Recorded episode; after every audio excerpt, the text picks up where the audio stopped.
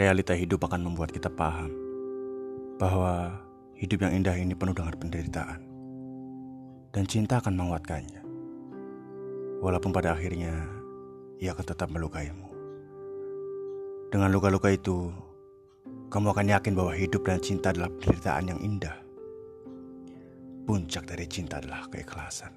Sudah itu saja. Terlalu banyak orang bergamang soal cinta.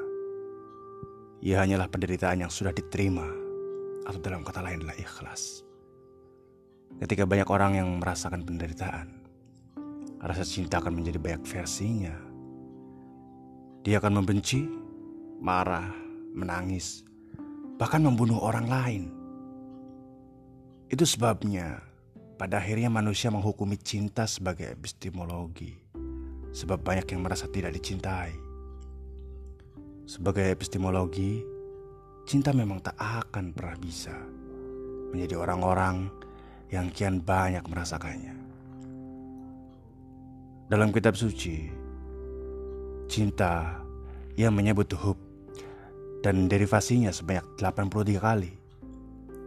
Sedangkan kata benci atau bagda hanya lima kali.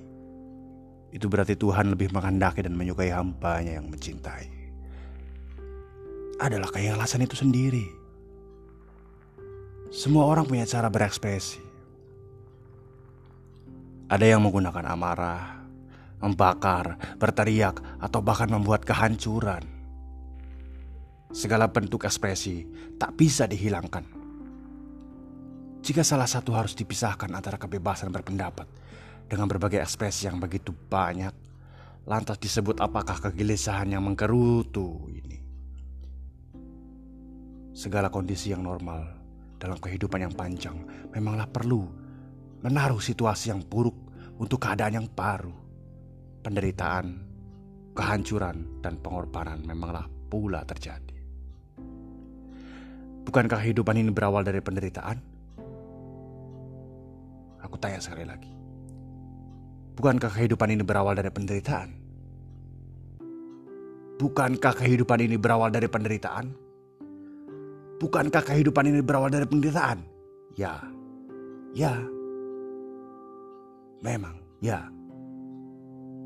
Begitulah. Begitulah kehidupan ini. Dan aku pernah mendengar seorang cerita. Seorang sang kembara menderita. Menyisir segala amuk yang dia simpan pada sakunya.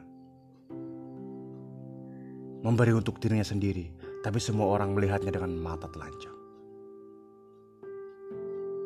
Aku jadi ingat uh, Gi dalam perjalanannya menuju kematian yang kemudian lantas menjadi abadi ceritanya. Bukankah Gi menderita? Ya, sangat menderita. Tapi cerita dia ada dan kita membacanya. Bukankah itu adalah kehidupan yang berawal dari penderitaan orang-orang? Maka berterima kasihlah. Semua yang berkorban tidak pernah mengakui pengorbanannya. Bukankah itu bentuk cinta yang sesungguhnya?